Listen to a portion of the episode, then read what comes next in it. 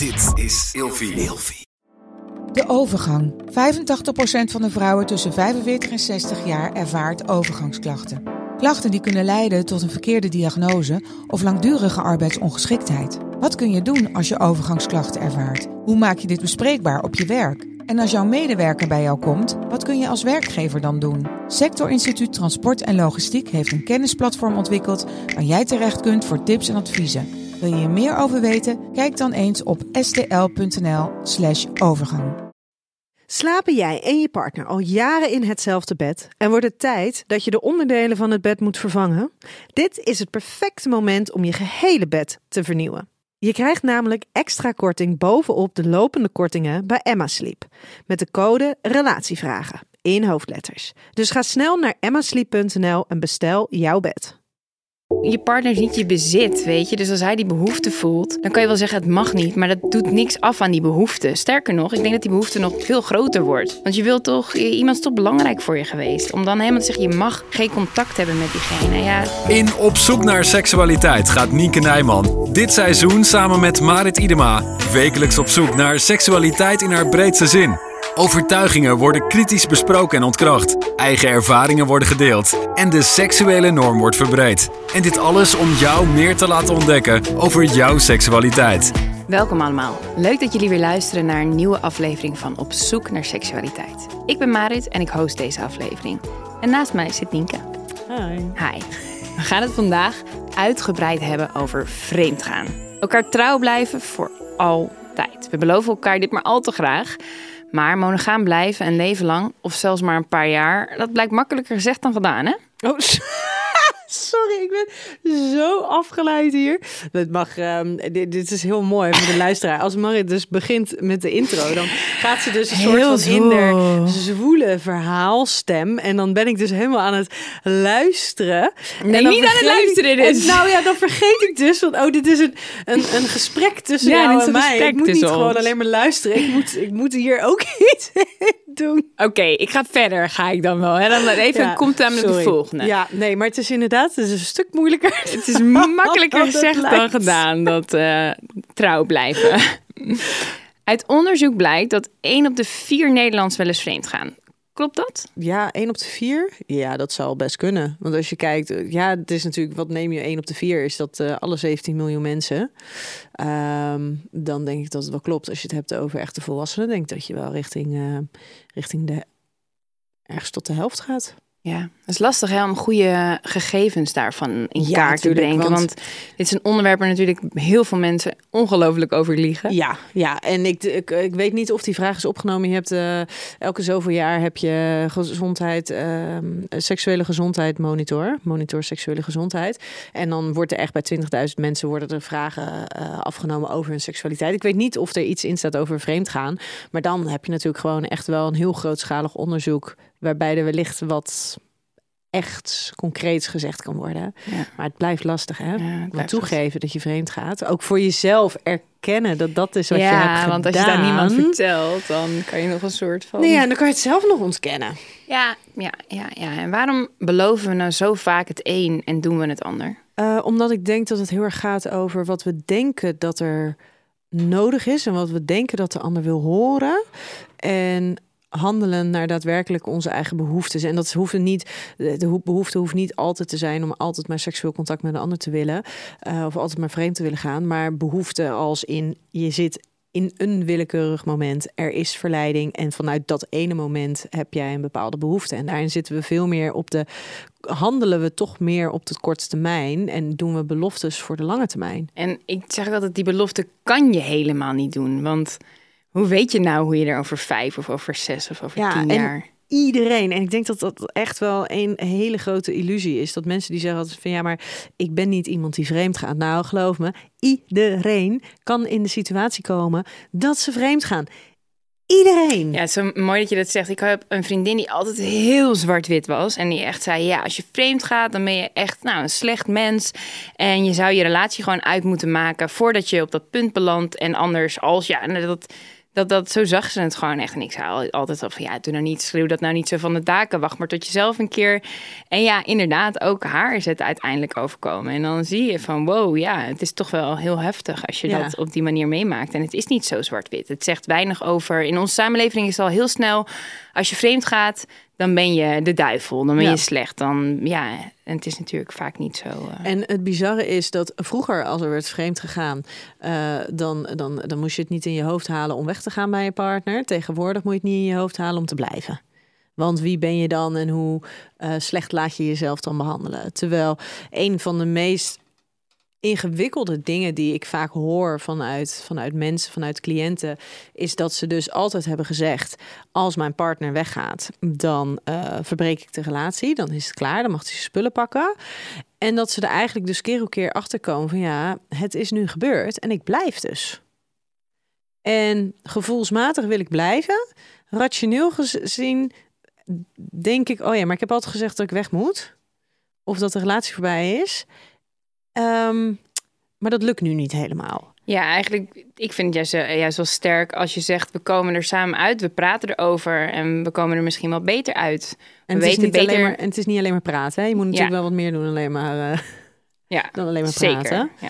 Ja, ik Wat weet, kan je nog meer doen? Nou ja, het, het, is echt wel. Het gaat weer natuurlijk heel vaak gaat het over en een stukje individueel van hé, hey, maar waar wat zeg waar, waarom heb ik dit gedaan. En het is heel makkelijk om te zeggen van ja, als je, als je vreemd gaat, kom je iets tekort in je eigen relatie. Nou, geloof me, er zijn heel veel mensen met hele fijne, gelukkige relaties, die toch uh, bijvoorbeeld onder het genot van een drankje uh, in de kroeg ineens met iemand anders staan te zoenen. En dat doet helemaal niks af niks aan, af aan, de, aan de waarde en aan de liefde binnen de, binnen de partnerrelatie, maar zegt alles over dat ene moment. En wat jij op dat moment nodig hebt, wat, een, wat, wat, wat de ander in jou aanspreekt op dat moment, waardoor je op een bepaalde manier gaat handelen. En daarin denk ik wel dat vreemd is altijd een egoïstische keuze. Ja. En zeker er, er, in het vreemdgaan, dus dat het zonder toestemming is, um, daar zit altijd een element in waarin de ander gekwetst wordt. Dus je doet iets waarin je een ander kwetst. Ik denk ook dat het altijd een keuze is die je hebt. He, sta jij nou ergens en word je volle bak op je mond gezoend en ben je daar helemaal niet uh, oprecht niet actief mee bezig geweest om dat contact zo te initiëren, ja, dan overkomt het je. Maar goed, uh, hebben we het dan echt over vreemd gaan? Of ben je dan gewoon overdonderd, overweldigd doordat iemand anders jou heeft gezoend? Um, maar dus er zitten een aantal elementen in waarvan ik denk, ja, dat is vrij zwart-wit.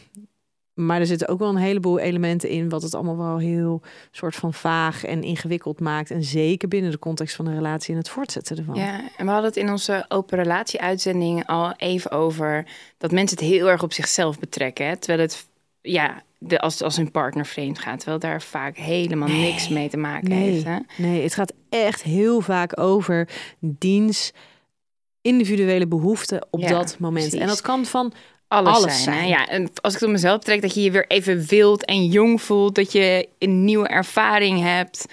Um, ja, je weer een individu voelen in plaats van onderdeel van een geheel, een, van een mhm. stel.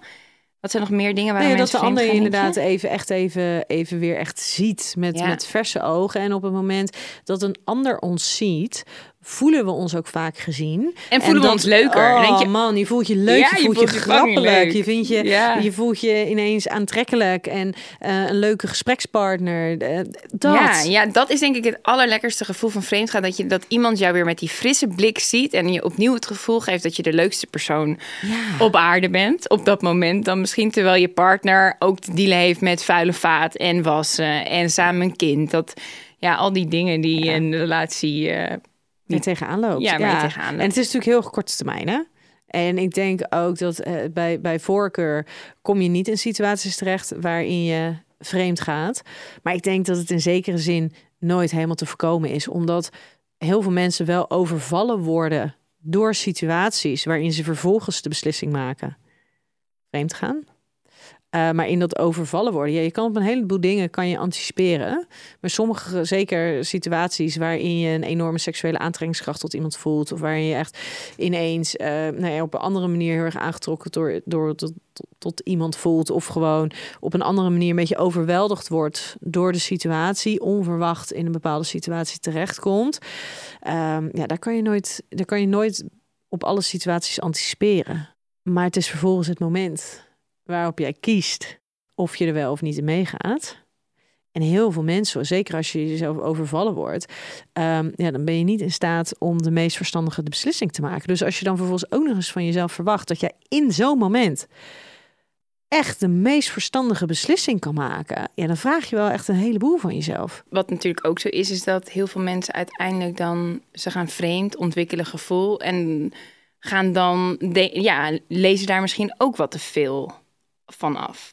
Dat zie je ook wel vaak. hè? Ja, nou ja, een affaire is natuurlijk het perfecte recept voor, voor een, een, een break-up. Eindeloos, nou ja, en een eindeloos verlangen wat blijft ontstaan naar de andere toe. Want je, je verlangt naar iets wat je nog niet hebt. Nou, als jij dus vreemd gaat met iemand en um, dat, is, dat is leuk, dat is spannend, dat is nieuw. Uh, vaak is dat ontstaan vanuit een gevoel van, van seksuele aantrekkingskracht. Dus die seks, die is daar ook nog eens heel, heel aantrekkelijk in dat blijft, dat blijft zeg maar zijn, zijn magie hebben. Dat blijft zijn aantrekkingskracht hebben. Ja, het, ik had ooit, uh, nou, dat is een goede vriend van me, die had een hele, hele mooie relatie. Dat is altijd het voorbeeld dat ik, als mensen bij mij komen met een verhaal van, ik ben, eh, ik ga vreemd en ik heb superveel gevoelens en mijn relatie zit goed, maar dit is echt nog veel beter. Dan vertel ik altijd even dit verhaal.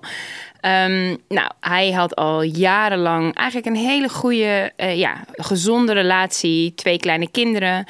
En echt clichématiger wordt het niet, maar verliefd geworden op de buurvrouw. Daar een affaire mee gehad. En met haar was het echt zo bijzonder. En nou, het spetterde in bed. En zij gaf hem het gevoel dat hij heel stoer was. En alles hartstikke goed voor elkaar had. En ze zeurde niet aan zijn hoofd. En hij besloot, hij nam de beslissing om bij haar weg te gaan. En, bij de buurvrouw in te Bij de buurvrouw, ja, om bij de buurvrouw in te trekken. En vanaf het moment dat hij daar introk, was die hele relatie natuurlijk meteen compleet anders. Want ineens had zij een situatie waarin nou, iemand gaat, je gaat uit elkaar. Dus je hebt die scheiding, je hebt die kleine kinderen. Je hebt alle, alle issues die bij zo'n relatie komen kijken. En dat vuur doofde gewoon binnen een maand. En toen had hij zo een spijt. En dan heb je dus een levensingrijpende... Zo spijt. En dan heb je je kinderen gekwetst, je levenspartner waarmee je een hele goede relatie had. Hè? En dat vond ik altijd zo tekenend voor doe dat niet. Kijk, dat je een keertje uh, een, een fout maakt, bieg het op en ga verder. Maar het is zo zonde dat als je relatie in de kern goed zit, dat je dan omdat je verliefd bent. Ja, en dat is dus het risico van zo'n affaire. Is dat, dat je hebt de ander tijdens zo'n affaire nooit helemaal. Nee, je, dus je ziet iemand van zijn beste kant. Deel. Je geeft elkaar aan dat als je elkaar ziet, dan heb, ben je echt beschikbaar voor elkaar. Dus um, je hebt eigenlijk alle, alle mooie kanten van, van de liefde en van seksualiteit, die heb je. Uh, maar het hele dagelijkse leven eromheen, ja, daar heb je niet mee te maken. Nee, het is echt gewoon een fantasie. Het is bijna een fantasie. Het is inderdaad, je zit in, in een bubbel. Maar wat je te vaak ziet, is als er dan inderdaad wordt besloten van nou, ik ga bij mijn partner weg en ik ga door met degene met wie ik die affaire had, dat die bubbel dan barst. Boom. En dat er dan verdomde weinig overblijft. Ja, en dat je zoveel pijn hebt. En financieel, dat is ook... Oh. Hij is financieel geruineerd. Want je hebt ineens, ja, nou, dat huis, dat moest verkocht worden. Dat was niet op een goede manier verkocht. Dat, dat, dat komt er ook nog allemaal bij kijken. Hè? Dus mijn advies, doe het niet als je in zo'n situatie Überhaupt. Als je denkt verliefd te zijn, maak geen overhaaste beslissingen. Laat dan de verliefdheid nog maar eventjes doorkabbelen. En, en misschien op den duur een beetje weg hebben. En als er dan, als die dan nog steeds daar is kan je dan beslissingen maken. Ja. En weet je, uiteindelijk, je, je verplaatst het probleem alleen maar. Want ik geloof ook uiteindelijk, als je dat dus doet, relatie hoppen, noem ik het maar even. Uiteindelijk beland je met die nieuwe persoon altijd in dezelfde situatie. Ja. En er zijn natuurlijk uitzonderingen, hè? want er zijn ook Tuurlijk, maar dat zeg ik als het in de kern goed zit. Hè? Want als je gewoon serieuze issues hebt met, met, met, met de partner, dan is het natuurlijk, het kan, het kan beter misschien. Ja, als je oprecht natuurlijk verliefd wordt op iemand anders. En, en dat, eh, dat was bij mij zo. Ik ben oprecht verliefd geworden uh, tijdens mijn open relatie uh, op mijn huidige partner, waarmee ik nu een kindje ah. ja. Dus het dus kan dus dat was degene waar jij gevoelens voor ging ontwikkelen? Nou, ik heb meer voor meerdere personen oh. gevoelens ontwikkeld. dat zeg dit Was, dit was echt. Dit was gewoon echt, ja. ja. Maar dat is natuurlijk wel... Dus het kan. Het kan. Ja, ja. Ik, was ook, ik was ook met mijn partner. Nou ja, ik was, ik was dus wel vrijgezel, maar mijn partner die was op dat moment ook niet vrijgezel. En Ja. die maakte dus ook de keus om. eh, Ja. Maar, dat moet ik er wel bij zeggen, tussen mij en mijn ex zat het echt al jaren echt totaal niet goed. Dus het was niet de reden dat, dat, dat ik het, ja, dat ik het af, afbrak. het was meer de aanleiding. Het tot was meer de druppel die de. Ja. emmer deed overlopen. Ja. En jij, Nienke, ben jij wel eens vreemd gegaan? Dat is de Ja. persoonlijke vraag. Ja. Ik heb één keertje toen, eh, was echt, toen was ik 13. Was ik, moet je nagaan, 13, 14. 13? Ja, toen had ik gekust met iemand anders. Dat werd gezien, dat was op de sportvereniging. Toen werd het gezien door anderen en die liep naar mij toe. En die zei, nou, ga jij het hem vertellen of ga ik het hem vertellen? Ah, Oh, holy fuck. Oké. Ehm, ja, dus toen heb ik het hem wel verteld. Dat was wel het einde van mijn verkering. Ehm, heeft op de ander best een grote impact gehad. Dus ik heb toen echt wel gedacht, holy shit, dit is wel, eh, dit is wel groot. een wijze levenles. En ik ben daarna ben ik en ja, ik weet nooit zo goed wat ik daarbij voel, want ik ben daarna wel in situaties geweest waarin ik dus ben geweest, gekust heb, het bed gedeeld heb met mensen die dus in een relatie zaten.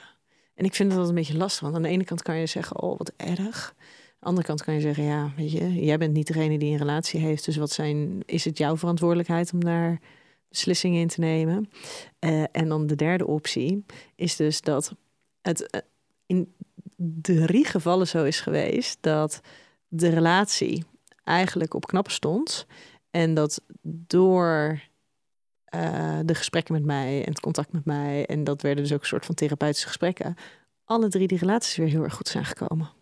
Ah, Ja. in bed met de relatietherapeuten. Nou, ja, nou, dat, zo voelde het dus eigenlijk wel een beetje. Privéles en ook ja, nog een... Ja, het was nog wel in mijn studententijd hoor. Oké, Dus ik was nog dus niet je oefende een beetje eh, op die manier. Ja, dus en dat maakte dus wel dat aan de ene kant dacht ik, oh, wat, wat erg eigenlijk. En ja, het was dus- niet jouw intentie om die relatie kapot te maken. Nee, is- absoluut, Nee. absoluut niet. En ik denk dat überhaupt dat contact ook elke keer ontstond vanuit de gesprekken over de relatie.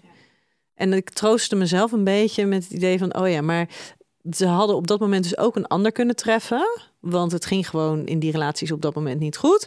Maar doordat ze mij troffen en de gesprekken die we hebben gehad, en is het dus weer goed gekomen. praat je dit en een zij- beetje- Ja, maar dat is toch erg dat dat dan zo een beetje werkt. Maar die zijn dus wel allemaal tot op de dag van vandaag eh, nog samen. Mooi. Ja. Ja, ik vind het lastig om daar een oordeel over te hebben. Er zijn natuurlijk heel mensen die er heel fel op zijn. Ja. Dat je dat nooit zou moeten doen. Maar ik vind altijd wat je net zei. Ja, de verantwoordelijkheid ligt toch echt bij degene die vreemd gaat. En niet bij degene die erin meegaat. Want wat je zegt, anders vind je wel iemand ander. Vinden ze Ja. wel iemand anders. Maar ben jij vreemd gegaan? Ja, ik ben vaak vreemd gegaan. Vaak ook. Nou, vaak in de zin van tijdens die open relatie, had het al, eh, daar hebben we het al eerder over gehad in Mhm. de vorige aflevering, ha- hadden wij hele duidelijke regels. En eigenlijk, nou, dat heeft iets van drie jaar geduurd. En in die drie jaar hield ik me niet heel vaak aan die regels. Nee. Ja, nee, dat heb ik één keer gehad. En dus wat is vreemd gaan? Kijk, ik denk dat het minder, het is minder groot het verraad dan als je zegt we beloven elkaar, eh, ja, we beloven dat we het alleen met elkaar doen en je doet het vervolgens met Jan Manneman. Maar alsnog, ja, bij mij, wij zeiden dan, ik bestelde dan sushi samen met, eh, met een, een jongen waar ik een affaire mee had. Nou, dat was echt absoluut niet de bedoeling. En dat is grappig, hè, dat dat vreemd gaan zat en bij mij dus juist in, de, in, in alles wat rondom de seks Ja, lag. ja. Ja. Dus ging het, ging het dus bij jou om de behoefte naar seks? Of ging het juist om alles wat erbij kwam kijken? Nou, ik heb wel echt ervaren dat, dat, dat, dat bij mij het altijd dat hele pakket is waar ik op val. En niet per se alleen de seks. Ja. Dat dan En als je dan afspraken maakt dat je wel seks mag hebben, maar niet het hele pakket. Ja. dan is het wel verdomde, nou ja, Ja. eigenlijk makkelijk om in het stukje ik ga vreemd terecht te komen. Ja, zeker. Ja. Ja. Ja. maar daar heb ik me wel heel schuldig over Ja, gevoeld. bizar is dat, hè? Ja, ik voel me echt heel schuldig. Ja. Maar daarom weet ik ook nu zo goed, je kan je ontzettend schuldig voelen en alsnog met iets doorgaan. Ja. En eh, weet je, heel vaak zeggen mensen natuurlijk van wow, wat een klootzak of wat een, eh, hoe dat zij of hij dit kan doen, wat erg. Maar ik weet gewoon hoe, je kan zo van iemand houden en alsnog zo die behoefte hebben om iets anders te doen. En dat, dat kan allemaal naast elkaar bestaan. En dat verdient zeker niet de schoonheidsprijs, maar het is natuurlijk niet zo, uh, niet zo zwart-wit. Het is ook weer heel menselijk. Ja, het is heel menselijk. En juist door het zo zwart-wit te veroordelen, denk ik dat het ook zo blijft Ja. gebeuren. Ja. Want mensen vanuit dat oordeel, ook wat mensen dan vervolgens over zichzelf hebben, ehm, durven ze het dus ook niet met hun partner te delen. Ja, ik had eigenlijk gewoon moeten zeggen dat deze regels op deze manier werken niet voor Nee. mij. Maar dat durfde ik niet, want dan moest ik toegeven dat ik die regels gebroken had en ik was heel bang dat die dan boos zou worden en dat, eh, dat onze relatie dan uit zou gaan. Dat maakt het natuurlijk heel lastig. Maar wat ik vooral heel bizar vind is dat ik heb ervaren dat het sterker was dan ik. Dan had ik echt zoiets van, oké, ik moet hiermee stoppen. En dan had ik een nummer geblokkeerd. En zei ik echt tegen mijn vriendinnen, ik ga nu echt nooit meer bellen. Dit moet echt stoppen. En twee wijntjes en ik ging aan de telefoon. Terwijl ik echt een best wel gedisciplineerd persoon ben. Hè? Dus dat was wel eh, confronterend. Dat, je, dat, dat, dat zo'n verlangen zo sterk kan zijn. Dat het sterker is dan je moraal en sterker dan je liefde voor je partner. Ja, en dat je dus in staat bent om beslissingen te nemen eh, waarvan je van tevoren ook weet dat ze je partner zouden kwetsen. Ja, dat was echt ondergeschikt Ja. op dat moment. Ja. Ja. En daarin denk ik dus dat, ehm, dat echt iedereen in staat is om in zo'n situatie te komen. Ja. En het is ook bijna dat, dat, dat schuldgevoel, dat draagt ook bijna nog bij aan de spanning hè, of zo. Want juist doordat het zo niet mag en het zo zwaar beladen is en je het wel wil, maar het niet kan, dat, dat, dat, dat maakt het allemaal dat je zo, dat werkt zo fucking verslavend. Dat echt op dat moment was die affaire die ik had, eh, dat heb, daar ben ik twee keer in mijn land, was echt het allerbelangrijkste in mijn leven op dat moment. Echt, ik was alleen in mijn hoofd, natuurlijk, ik werkte en ik had mijn relatie, maar ik was in mijn hoofd alleen nog maar daarmee bezig. Alleen maar het enige wat ik dacht is, wanneer kan ik weer seks hebben met hem? Ik was echt gewoon obsessed, gewoon. Ja. En wel echt, daar wordt seks wel zo bizar van. Ja. Maar ik denk dat, ik weet niet of we dat al even benoemd hebben, maar als we het dus hebben over vreemdgaan. Ja. ehm, ik heb het dan altijd over, dat is wat vreemdgaan dan is. Dat is afhankelijk van de afspraken die je samen maakt. Ja. En dat kan dus zijn dat je, dat je al zegt als, als stel zijnde... ehm, ja, maar je- hè, ik vind het al, als jij al iemand met iemand flirt... Dat vind ik al niet oké. Of je mag wel met iemand zoenen, maar that's it. Je mag wel met iemand een beetje flirterige berichtjes sturen, maar that's it. Weet je, dus de afspraken, die verschillen daarin natuurlijk Tuurlijk, per ja. stijl. Iedereen heeft een andere definitie van Ja. wat vreemdgaan is. Ja, Ja. alleen het hele lastige is dat iedereen heeft een andere definitie, maar heel veel partners spreken die definitie helemaal niet naar elkaar Nee, daar gaat het echt mis, hè?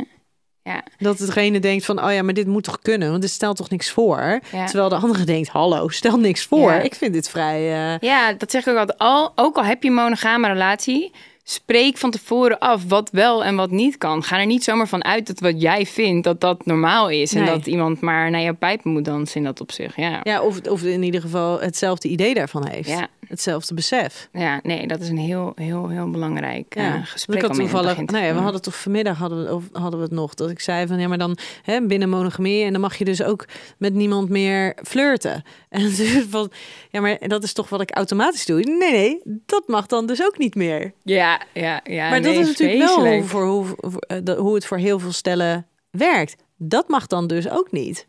Terwijl dat voor sommige mensen iets heel natuurlijks is. Gewoon flirten met Flirten, iemand. dansen inderdaad. Dus weet dansen je? Ja, met dat iemand. terwijl dingen. dat voor anderen weer heel erg bedreigend is. Ja ik, ja, ik vind dat altijd heel lastig. Mensen die, die het zo, zo afbakenen. Dat je echt zegt van je mag niet meer dit, je mag niet meer dat. Ja, maar dat is Je omdat mag jij niet meer zus, hele je mag niet andere... meer zo. Jij, van jezelf heb jij een hele andere eh, basis. Ja, dat weet ik. Maar dat is ook een bewuste keuze natuurlijk. Maar ik krijg er wel altijd paniek van als ik dan met mensen praat van ja, nee, dan met iemand anders dansen. Dat kan echt niet. Dat Ja, je denkt, ja, ik krijg, ja, ik krijg voornamelijk een soort van benauwdheid vanuit hen. Van, ja, dat je denkt, maar jezus, dan wat een is het hel. dus echt, dan hoef je partner per ongeluk één stapje te veel naar rechts te doen. En dan kan het dus ook al voelen voor jezelf als iets heel heftigs. Maar je hebt ook mensen die zichzelf opleggen. Hè? Die zoiets hebben van dat hoort nou eenmaal. Dus dat kan echt absoluut niet. Dat, Eh, dat- die enorme commitment. Ja, die enorme commitment. Maar ja, ik vraag me wel af of dat haalbaar is op de lange termijn. Ja. Weet je, dan natuurlijk in die eerste verliefdheidsfase is dat prima te doen. Maar op de lange termijn, en dan heb ik het echt over jaren en jaren, is het dan niet zo dat op het moment dat die verliefdheid afzwakt, dat je eerder geneigd bent om het uit te maken, misschien weer verder te zoeken, zodat je dan weer die sparkle bij iemand anders vindt? Dat zou kunnen. Dat zou kunnen. Ja. Nou, ik heb, en dat heeft dan niet zoveel. Dat gaat dan niet over zeg maar, de, de, striktheid met vreemdgaan. Maar ik heb een vriendinnetje van mij en die is dan nu uh, met, met haar partners, wonen samen, kindje opkomst. En uh, hij is hiervoor, is die volgens mij tien jaar plus samen geweest met een ex. Dus daar ligt echt wel een heel stuk geschiedenis. En zij vond het bijvoorbeeld onwijs lastig dat hij haar een berichtje stuurde op haar verjaardag. Gewoon een berichtje met gefeliciteerd. En we hebben het hier uitgebreid ook met, met haar over gehad.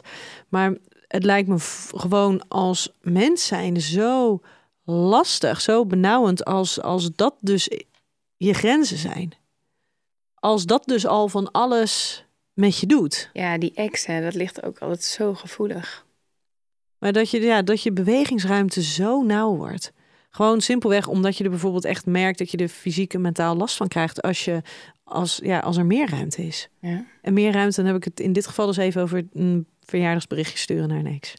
Ja, vreselijk, ja. Ik zou er dus... Ja, Ja, ja. lijkt me heel lastig. Ik denk niet dat dat gezond is. Ik denk dat er altijd wel... Dat, dat, dat, dat, ik bedoel, je bent toch niet voor niks uit elkaar? En die onzekerheid is, vind ik, vrij al- alarmerend. Ik, ik vind dat niet normaal gedrag. En Nou was Wat- het niet zijn keus om de relatie te verbreken. Zij was meerdere malen vreemd gegaan. Dus dat speelde daar ook nog een klein beetje ja, doorheen. Maar je kan, het, het komt er allemaal meer. Je partner is niet je bezit, weet je. Dus als hij die behoefte voelt, dan kan je wel zeggen: het mag niet. Maar dat doet niks af aan die behoefte. Sterker nog, ik denk dat die behoefte nog veel groter wordt.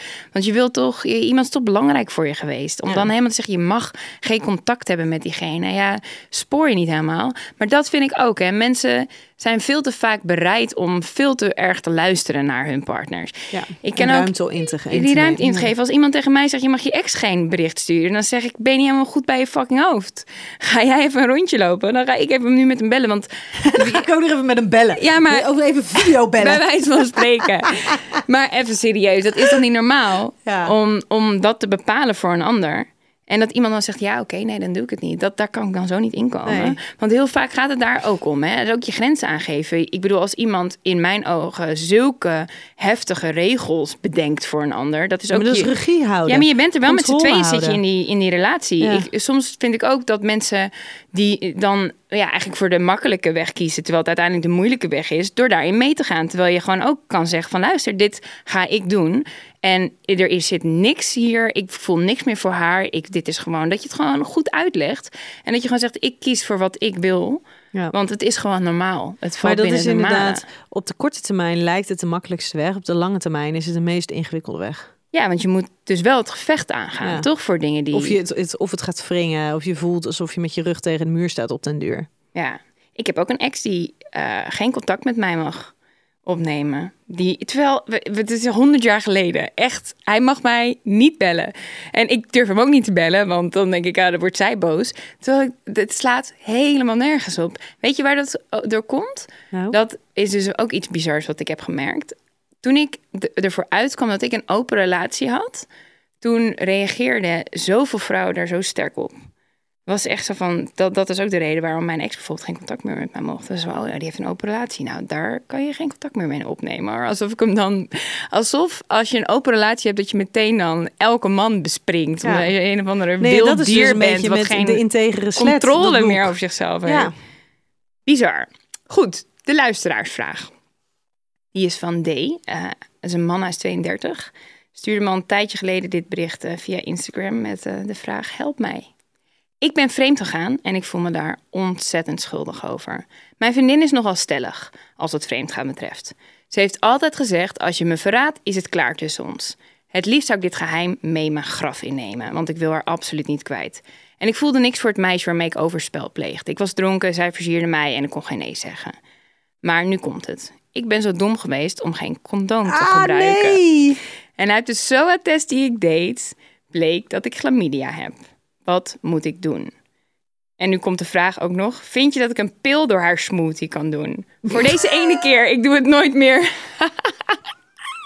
Ik vind hem wel eh, origineel. Ja, Oh, nou weet je, regel nummer één. Als je vreemd gaat, doe het veilig. Ja, echt. Dat is toch het minste wat je kan echt- doen, hè? Dan haal je nog meer problemen op de hals. Want als je dan en moet vertellen dat je vreemd bent gegaan, maar je moet ook nog eens vertellen, oh ja, je moet ook nog even Ja. een SOA-testje doen. Echt, dan zou ik echt de- denken, dikke, echt dikke fuck jou. Plus je gaat dan aan iemands intentie twijfelen. Want Ja. waarom vertel je het me? Omdat je die fucking zo hebt? Of Ja. omdat je het echt serieus wilde opbiechten?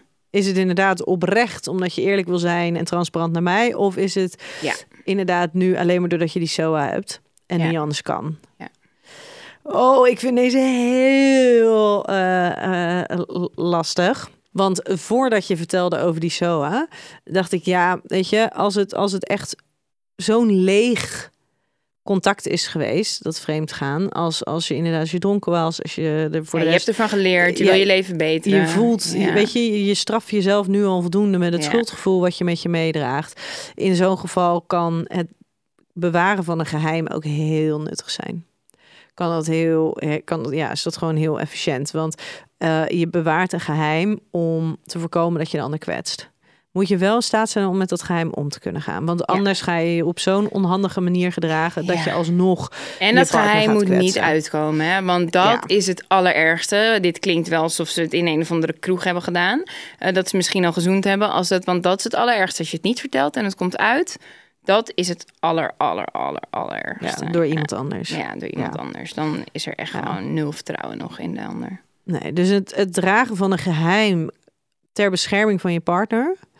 Daar, Klinkt bijna nobel zo. Nou ja, bijna wel. Ja, maar dat is natuurlijk. En, en eh, dat is het in sommige situaties natuurlijk wel. Ehm, en dat is, dat is niet zozeer met vreemd gaan. Maar met andere situaties kan dat absoluut wel een beetje zo zijn. Echt om de ander te beschermen. Eh, en omdat je niet wil dat de relatie kapot gaat ten koste van wat. Of dat je de relatie moet gaan herstellen op het moment dat je het wel vertelt. En de ander kwetst. En dat dat dus allemaal moet gaan helen. Ja, voor wat? En als er dus nu sprake is van, ik dacht eigenlijk dat je ging zeggen dat er een, eh, een zwangerschap was. Eh, en nu als er dus een SOA, ja, in het belang van iemands gezondheid is het natuurlijk gewoon wel belangrijk dat je dit gaat, gaat delen. Kijk, één ding. Vrouwen kunnen onvruchtbaar worden hè, van Mhm, chlamydia. ja. Dus denk niet dat dit een onschuldige SOA is. Hier moet je sowieso mee aan de slag. Kijk, ik vind dat je het niet kan maken door iemand smoothie doen. Nee, ik oh vind nee, dat... sowieso niet. Nee, nee, nee, nee, nee, nee. Maar ik vraag me ook af of, eh, of de huisarts zeg maar zou zeggen, als, als die dan zou zeggen, oh, mag ik ook even voor mijn vriendin eh, pillen mee? Nee, dat, dat gebeurt natuurlijk sowieso niet. Nee, dus dat moet je. Maar volgens mij kan je ook chlamydia-pillen nu bij de drogist kopen, toch? Nee?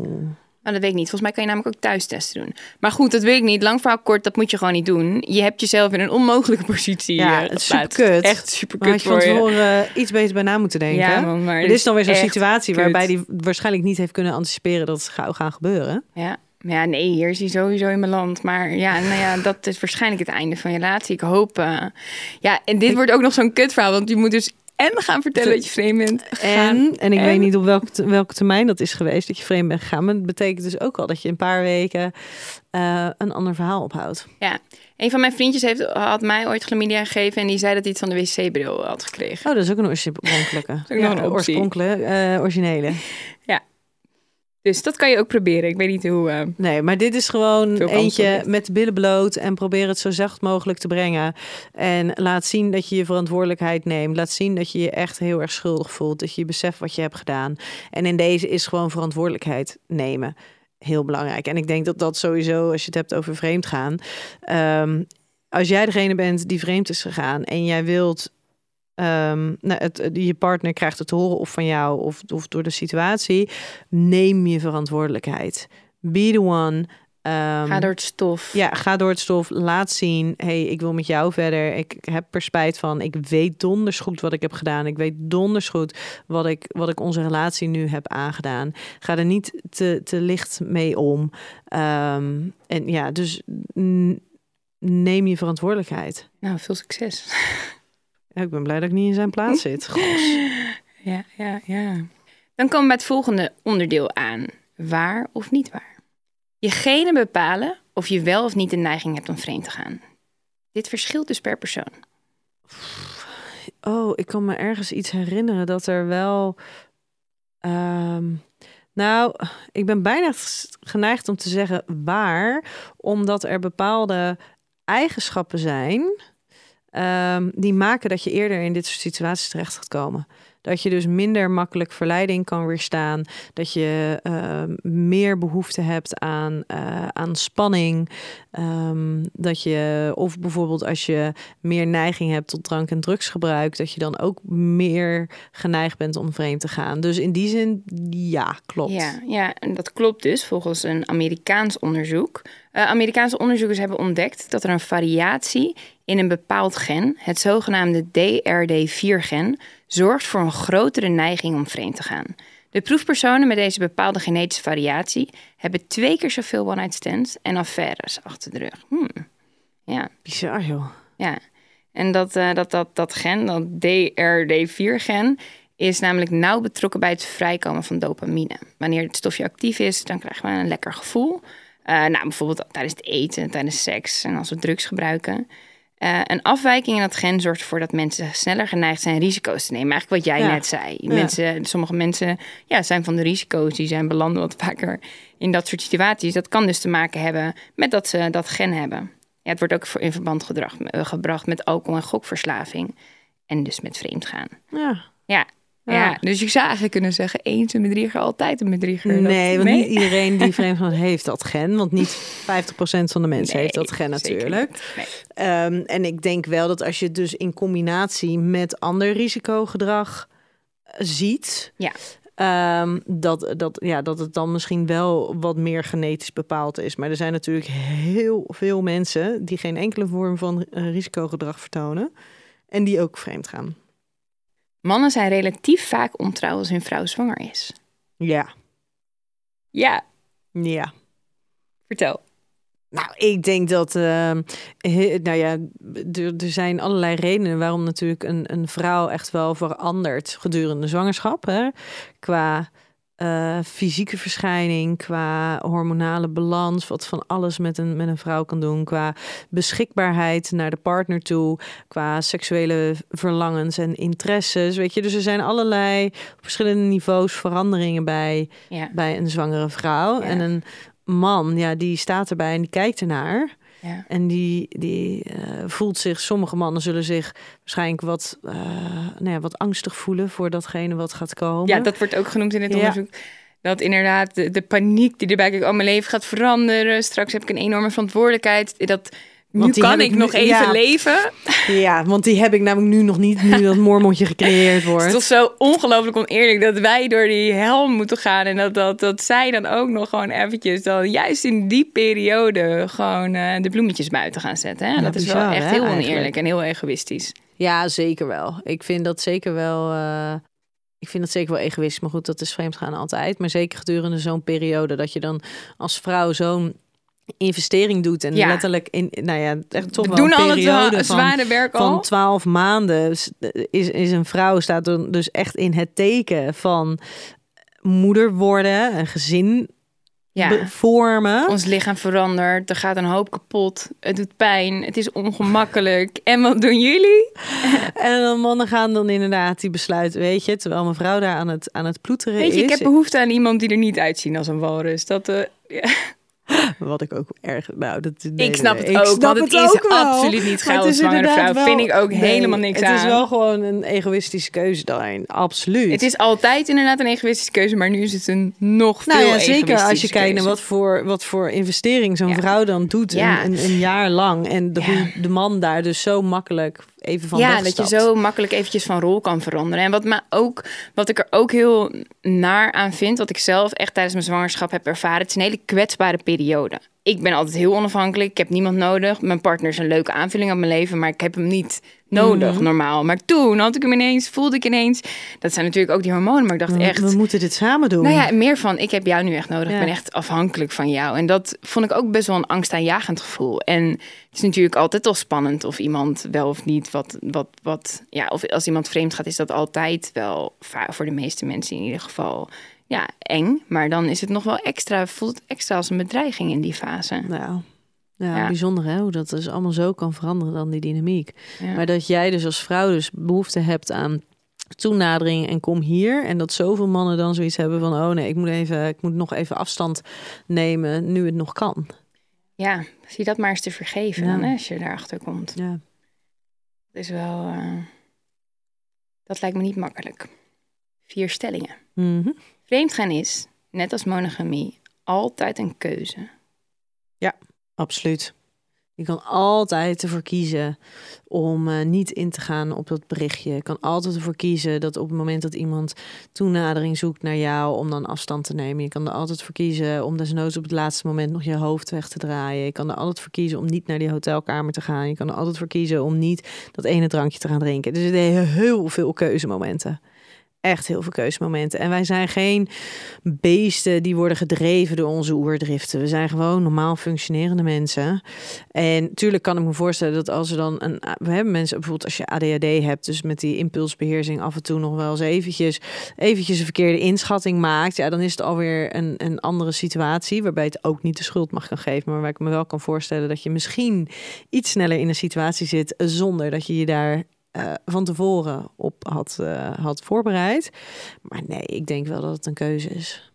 Ja, het is zeker een keuze. Maar als je die keuze eenmaal hebt gemaakt, is wel mijn ervaring, is het wel verdomd moeilijk om ermee te stoppen hoor. Ja, maar dan ben je toch Oh. al bezig. Ja, I know. En je maakt elke keer die keuze opnieuw. Ja, Maar man, wat vergt dat veel van je. ja dat, dat, dat, Het is zo absoluut. sterk als je lichaam echt naar iets snakt om daar dan nee tegen te zeggen. Dat is natuurlijk ook ja, vergelijk met dat je heel veel zin hebt om iets te eten om daar nee te. Sommige mensen zijn er beter in verleidingen te weerstaan dan anderen. Ja.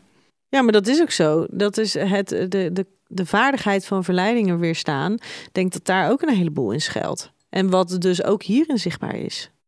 Dus eigenlijk moeten we daar gewoon veel meer op trainen en oefenen. Impulsbeheersing. Impulsbeheersing. Nou, hoe doen we dat? Eh, jezelf, eh, nou ja, nee, dat werkt natuurlijk op verschillende manieren. Want aan de ene kant is het jezelf in verleidingen brengen en dan gewoon heel bewust de beslissing maken om dat niet te doen. En daarmee dus ook het stukje vertrouwing te krijgen dat jij daarin andere beslissingen kan nemen. Ehm, maar überhaupt nee zeggen. Heel veel mensen vinden het heel lastig om nee te zeggen tegen dingen. Ja. En eh, het mensen het gevoel geven dat ze controle hebben over zichzelf. Ja, maar het is wel lastig, hè? Want ik ken wel echt mensen die sowieso weinig controle over zichzelf hebben. Die weinig gebrek aan ruggengraat. Die altijd Ja. in situaties belanden waar ze eigenlijk helemaal niet in willen belanden. Die altijd te veel drinken. Drugs gebruiken op momenten dat ze het eigenlijk hadden gezegd dat ze het niet doen. En dat zijn ook vaak mensen die misschien in zo'n situatie belanden. Maar wat, wat, wat kan je dan, Ja, dan- doen? Hoe kan dan- je dat veranderen? Dan zou ik zeker wel aanraden om, eh, om trainingen te gaan volgen. Ja. Om met je zelfbeeld aan de gang te gaan. Maar ook een stukje zelfcompassie. eh, wat minder oordelend naar jezelf. Wat minder kritisch. Maar letterlijk gewoon echt nee leren zeggen. Een stukje over ehm, eigenwaarde, liefde voor jezelf. En vaak als je het hebt over drugsgebruik, drankgebruik... gebeurt het ook met, in combinatie met andere mensen. Dus leren keuzes te maken in wie, wie je vrienden zijn. Ja. Dat Ik- soort dingen. Ja, ja, dat mijn vriend belandt heel vaak in dit soort situaties. Echt een gezelligheidsdier. En ik zeg wel dat het inderdaad het begint bij de keuze maken. Ik weet bijvoorbeeld dat ik super lomp ben. Dus als ik, ik zet mijn thee al niet naast mijn laptop neer. Want ik weet, ik ken mezelf. Dus ik zet mijn theekopje altijd hier neer. Want ik weet, anders gaat die theekop over die laptop heen. Dan zeg ik, als jij op dinsdag voetbal gaat kijken... Ja, dan, beland je niet in een situatie. Ja. Dan kies je bewust al door dat af te spreken. Dus door dat niet af te spreken... Dan, dan, dan, ja, dan zorg je Ja. ervoor dat je niet in dat Ik situatie kan belandt. inderdaad ook. Ik kan ehm, één drankje gaan drinken in de stad. En dan kan ik gewoon één drankje, ik ga erheen. Maar vervolgens bespreek ik bijvoorbeeld al met de oppas af dat ik om 11 uur terug ben. Zodat ik weet, ik ben om 11 uur terug. Maar gaat eh, Ramon de stad in, dan weet ik niet of dat hij om drie uur s'nachts thuis is of om zes uur 's nachts thuis is. Ook En als hij de oppas ook- moet aflossen? Nee, dan niet. De Oké. oppas, maar dan kan hij ook thuis doorgaan. Ehm, maar hij heeft dus, dan zegt hij tegen mij: Nee, maar ik ben niet zo lang weg, joh. Ik denk dat ik rond half twaalf thuis ben. En vervolgens is het half drie. Dus hij heeft echt, als je het hebt over ruggengraat en gezelligheidsdier en in situaties belanden, ja, dat is eh, absoluut. Dat kan hij ook heel goed. En dat snap ik dus niet. Ik ben op een gegeven moment gewoon klaar. Ik denk ook, ja, maar na één uur heeft het toch allemaal geen toegevoegde waarde. Ga gewoon lekker. Ga lekker naar naar huis Ga toe. slapen, ja. Ja. ja. Nou, ik kan er wel in komen, maar ik vind wel inderdaad, ja, dat je denkt, elke keer weer, hè? ja, elke keer weer. Maar wat ik ook altijd zo, want we hebben eigenlijk eenzelfde soort partner. Ja. Maar dan vraag ik me ook al- altijd af van, hoe kan het dat als jij tegen mij zegt, ik ben om, om half tien thuis, nou dat ik al meteen weet, dat gaat hem sowieso niet worden. Maar dat jij na fucking 33 Zo jaar naïef. nog Zo steeds naïef. denkt dat je dat gaat lukken. Echt, Jesus. Oh, zo grappig. Ah. En dan inderdaad ook, nee, nee, nee, ik breng die morgenochtend die kleine wel naar school. Dat is helemaal geen probleem, het gaat helemaal goed. En dan vervolgens inderdaad, nou ja, om vier uur thuiskomen. En dat hij dus om acht uur nog in zijn bed ligt. Dan denk ik, ja, maar jij gaat dus die kleine ga je helemaal niet naar school brengen. Wist ik al. Ja, oh, Want ik ben al klaar om weg te gaan. Ik heb alles al geregeld. moeder slash partner. Ja. Oh, maar het is inderdaad dat stukje dat je gewoon al weet. Hoe wij, weten al dat, dat het niet gaat lukken. En vervolgens gewoon een soort van de naïviteit. Ja, Ja, ja, ja, ja, ja, ja. mooi. Gaan mensen die zo zijn vaker vreemd, denk je? Ja, dat denk ik wel. Omdat zij dus, ehm, nou ja, omdat ze dus inderdaad in wat je zegt, in dat soort situaties ineens belanden. Ja. Zonder daarin duidelijk zicht te hebben, een gevoel van regie te hebben van, oh, maar dit is dus hoe ik daar kom. Ja, misschien is het wel makkelijker om zo iemand vreemd gaan te vergeven dan iemand zoals wij. Ik, Ja. ik- wij maken heel rationeel keuzes. Ja. En dan is het denk ik wel moeilijker te verkopen dat je... Ja, wat natuurlijk ook meegeschreven is. Ja, in die end. Want Tuurlijk. het resultaat blijft resultaat hetzelfde. blijft En zij krijgen dan een vrijbrief voor alles. En wij moeten Nee. ons voor alles verantwoorden. ja, we hebben ook recht op vreemd gaan. Nou, hè, we hebben ook recht op onze losbandige momenten. Zeker. Dat komt wel goed. Oh, heerlijk. Ik ben zo blij dat deze gesprekken zo af en toe zo lekker therapeutisch werken. Hè? Als je vreemd gaat, kom je in je relatie wat tekort. Seks, liefde, liefde of aandacht. Nee, absoluut nee. Wat ik al zei in het begin, het gaat heel erg over jouw individuele behoeften in een specifiek moment. En dat diegene met wie je bent, eh, nee, die behoefte kan aanwakkeren of iets in jou kan zien, eh, kan erkennen, kan wat dan ook, waar op basis waarvan je die beslissing maakt. En er zijn echt wel heel veel relaties waarin er wel tekorten zijn. Hè? Ja, het geeft wel bijvoorbeeld aan dat ik denk dat mannen tijdens zo'n zo'n zwangerschap van hun vrouw wel eerder vreemd gaan. Omdat ze dus iets missen wat ze misschien eerst Ja, kregen. maar dat hoeft dus ja. helemaal niet. Hè? Want het kan ook dus zijn de angst voor wat gaat komen. Ja, dat is ook wel echt en dat is dus ja. niet een tekort binnen Nee, een relatie. precies. Gewoon dat het uit paniek gevoel. Precies, dat ja. is vanuit een paniek. Dat is vanuit een, oh, ik moet nu nog wat doen voordat het straks niet meer kan. Of eh, dat zijn hele andere motivaties dan, ehm, nou ja, dan Ja. dat ze wat tekort komen. Ja, ik denk dat als we met z'n allen wat meer zouden beseffen dat vreemdgaan dus niet voortkomt uit een tekort. Of uit iets wat, wat dit tekort komt in je eigen relatie. Dat we misschien wel iets coulanter ermee om Ja, zouden gaan. milder, hè? Wat, wat milder. Meer, meer, met meer compassie Ja, naar meer onze partner compassie kunnen kijken van, hé, maar partner. wat Hey, is het dan? Wat aan jou Ja. maakt jou... Waar heb je behoefte aan? Ja, waar heb je behoefte aan? En dat ga- is echt zo vaak meer een individuele behoefte. Die gaat over het on- ontdekken van een ander stukje van jezelf. Ja, of weer dat oude stukje van jezelf. Ja, dat kan ook, hè? absoluut. Een stukje wat je misschien door de jaren heen een beetje bent kwijtgeraakt. Ja. Konden we dat dan maar weer opnieuw ontdekken bij onze eigen partner? Hè? Ja, maar zo, ja. Ja, Ik denk dat het, zo werkt het gewoon niet. En aan de andere kant denk ik, ja, maar als we ons zouden gedragen zoals dat we dat in het begin van de relatie doen, dan zou het zomaar eens wel zo kunnen werken. Stel maar eens opnieuw de vragen die je toen stelde. Doe maar eens je best zoals dat je het toen deed. Ga Ja, maar maar, zo eens onder- naar nieuwe plekken ja. toe, nieuwe, nieuwe stukjes van de wereld Ja, samen dat helpt ontdekken. allemaal. Maar zo onder de indruk, als iemand van je was in het begin, zo onder de indruk kan je op een gegeven moment. Dat is bijna, je plaatst iemand misschien in het begin op een voetstuk. Ja, maar dat ligt denk ik ook een beetje aan hoe je je leven indeelt. Weet je, heb je nou, eh, heb je inderdaad al 10, 15, 20 jaar een leven wat ook op dagelijkse basis er hetzelfde uitziet? Ja, dan wordt dat aan de ene kant wordt dat lastiger. Aan de andere kant denk ik, ja, maar dan is er dus waarschijnlijk een hele grote wereld nog te ontdekken. Ehm, maar heb je nou een relatie of een, een leven waarin best wel veel verandert en gebeurt en fluctueert? Weet je, dat is natuurlijk bij jullie ook zo door, eh, door, door het ouderschap, door, ehm, eh, door het ziek zijn. Het zijn allemaal verschillende fases waarin je elkaar op andere manieren kan ontdekken en zien. Weet je, dat, is, dat, dat heb ik ook ontzettend. Dat ik hem echt continu met verschillende ogen kan, kan bekijken. En Ja. daar dus ook om verschillende redenen weer op dat voetstuk kan plaatsen. Ja, ik heb het ook bijvoorbeeld na de komst van ons kind, dat je iemand als in zijn ouderrol ook enorm aantrekkelijk kan gaan vinden. En daar, ja, als je gewoon blijft investeren, dan geloof ik ook wel dat, dat je een bepaald gevoel wel constant, ook met Ja. golfbewegingen, terug kan krijgen. Maar het is ook een keuze van de ander ook zo willen zien. En de moeite er dus voor nemen, de tijd ervoor nemen om de ander echt even met andere ogen te zien. Bij mannen zit vreemdgaan in de natuur. Bij vrouwen niet. Nou ja, oh, dat vind ik hele lastig. Want ik ben heel hard geneigd om te zeggen nee, absoluut niet. Want ik heb echt, ik vind het niks zo cliché als, uh, als een soort van de evolutietheorie en zo erbij halen. En mannen zijn jagers en vrouwen zijn verzamelaars. Ik vind dat echt zo verschrikkelijk cliché.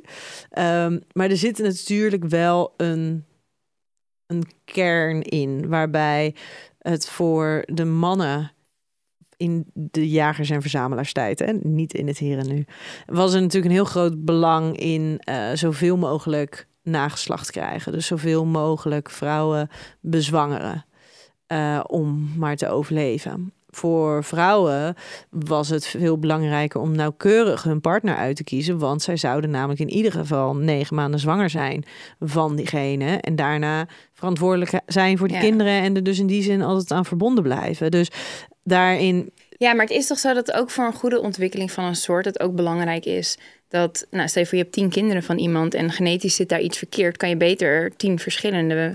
Ja, dat is ook ja, weer maar zo, voor toch? een Dus- man is het natuurlijk vijf minuten werk. Ja, voor een vrouw, voor is het vrouw is het in ieder geval een, een jaar investering. Ja, en je hebt een man ook meer nodig voor de. Voor de... Dus en je wordt, wordt in zekere zin word je natuurlijk wat afhankelijker, wat jij net ook al beschreef. Dus daar, Ja. dat werkt natuurlijk gewoon wel echt, Ja. echt wel heel erg anders. Ja. Van oudsher. In het Ja. hier en nu is Ja. dat natuurlijk heel, heel anders. Zeker Ja. nog, heel veel mannen die krijgen de kriebels ervan, van het idee dat ze heel veel vrouwen zouden bezwangeren.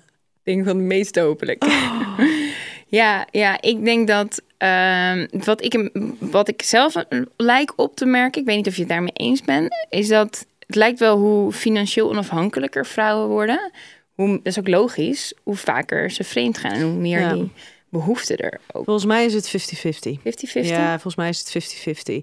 Ehm, alleen wat, wat een ander aspect is dat voor vrouwen zit er vaak ook een emotionele relatie bij. Voor mannen kan het wel vaker gaan eh, puur om de seks.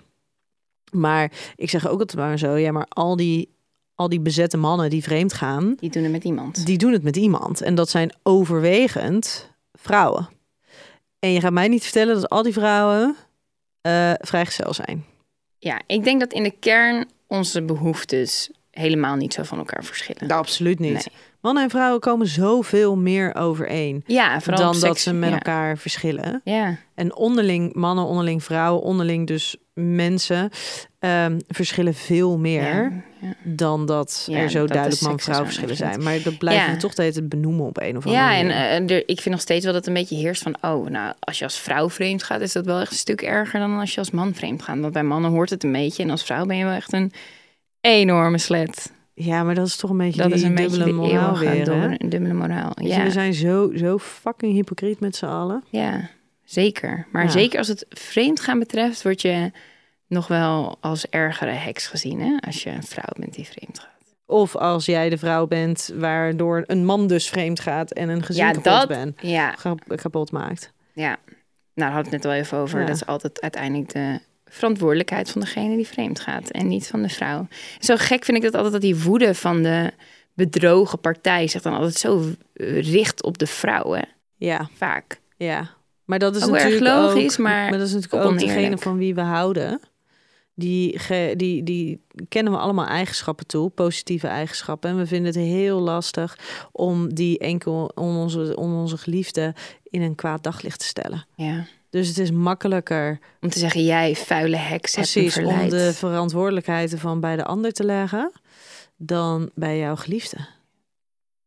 Ja, Ja. het is ook makkelijker om iemand anders de schuld te geven dan je partner. Want je wilt toch vaak met hem verder. Ja, Of haar. volgens mij zijn we er doorheen, of niet? Zijn er doorheen. Ja. Jeetje, wat een boel gezegd weer. Wat hebben we geleerd Nou, eh, wat- deze Wat aflevering? hebben we geleerd? Eh, dat iedereen in de gelegenheid kan komen dat ze vreemd gaan. Ja, oordeel niet te hard. Nee, En ja, weet je, mensen die vreemd gaan, die zijn niet slecht.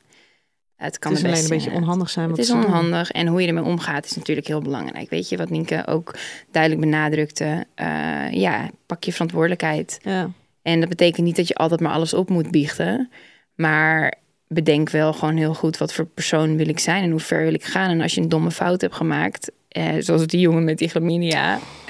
Ja, ga geen pillen door smoothies eh, Nee. doen. Want als Oh, je nou, daarmee gepakt Ja. wordt, weet je dat het is niet alleen het bedrog, het is het niet condoom en dan ook nog zo'n pil. Nee, dat, dat, dat Zo moet je niet willen zijn. Nee, nee. En ehm, ik denk dat het heel goed is als mensen een keertje die een keertje zijn vreemd gaan. En nogmaals, dat zijn er dus heel veel.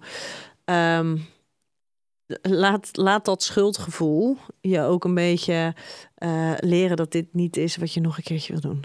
Ja, het is ook heel leerzaam. Hè? Ik bedoel, ik ben ook veel vreemd gegaan. Ik weet echt van mezelf hoe spannend en hoe fantastisch.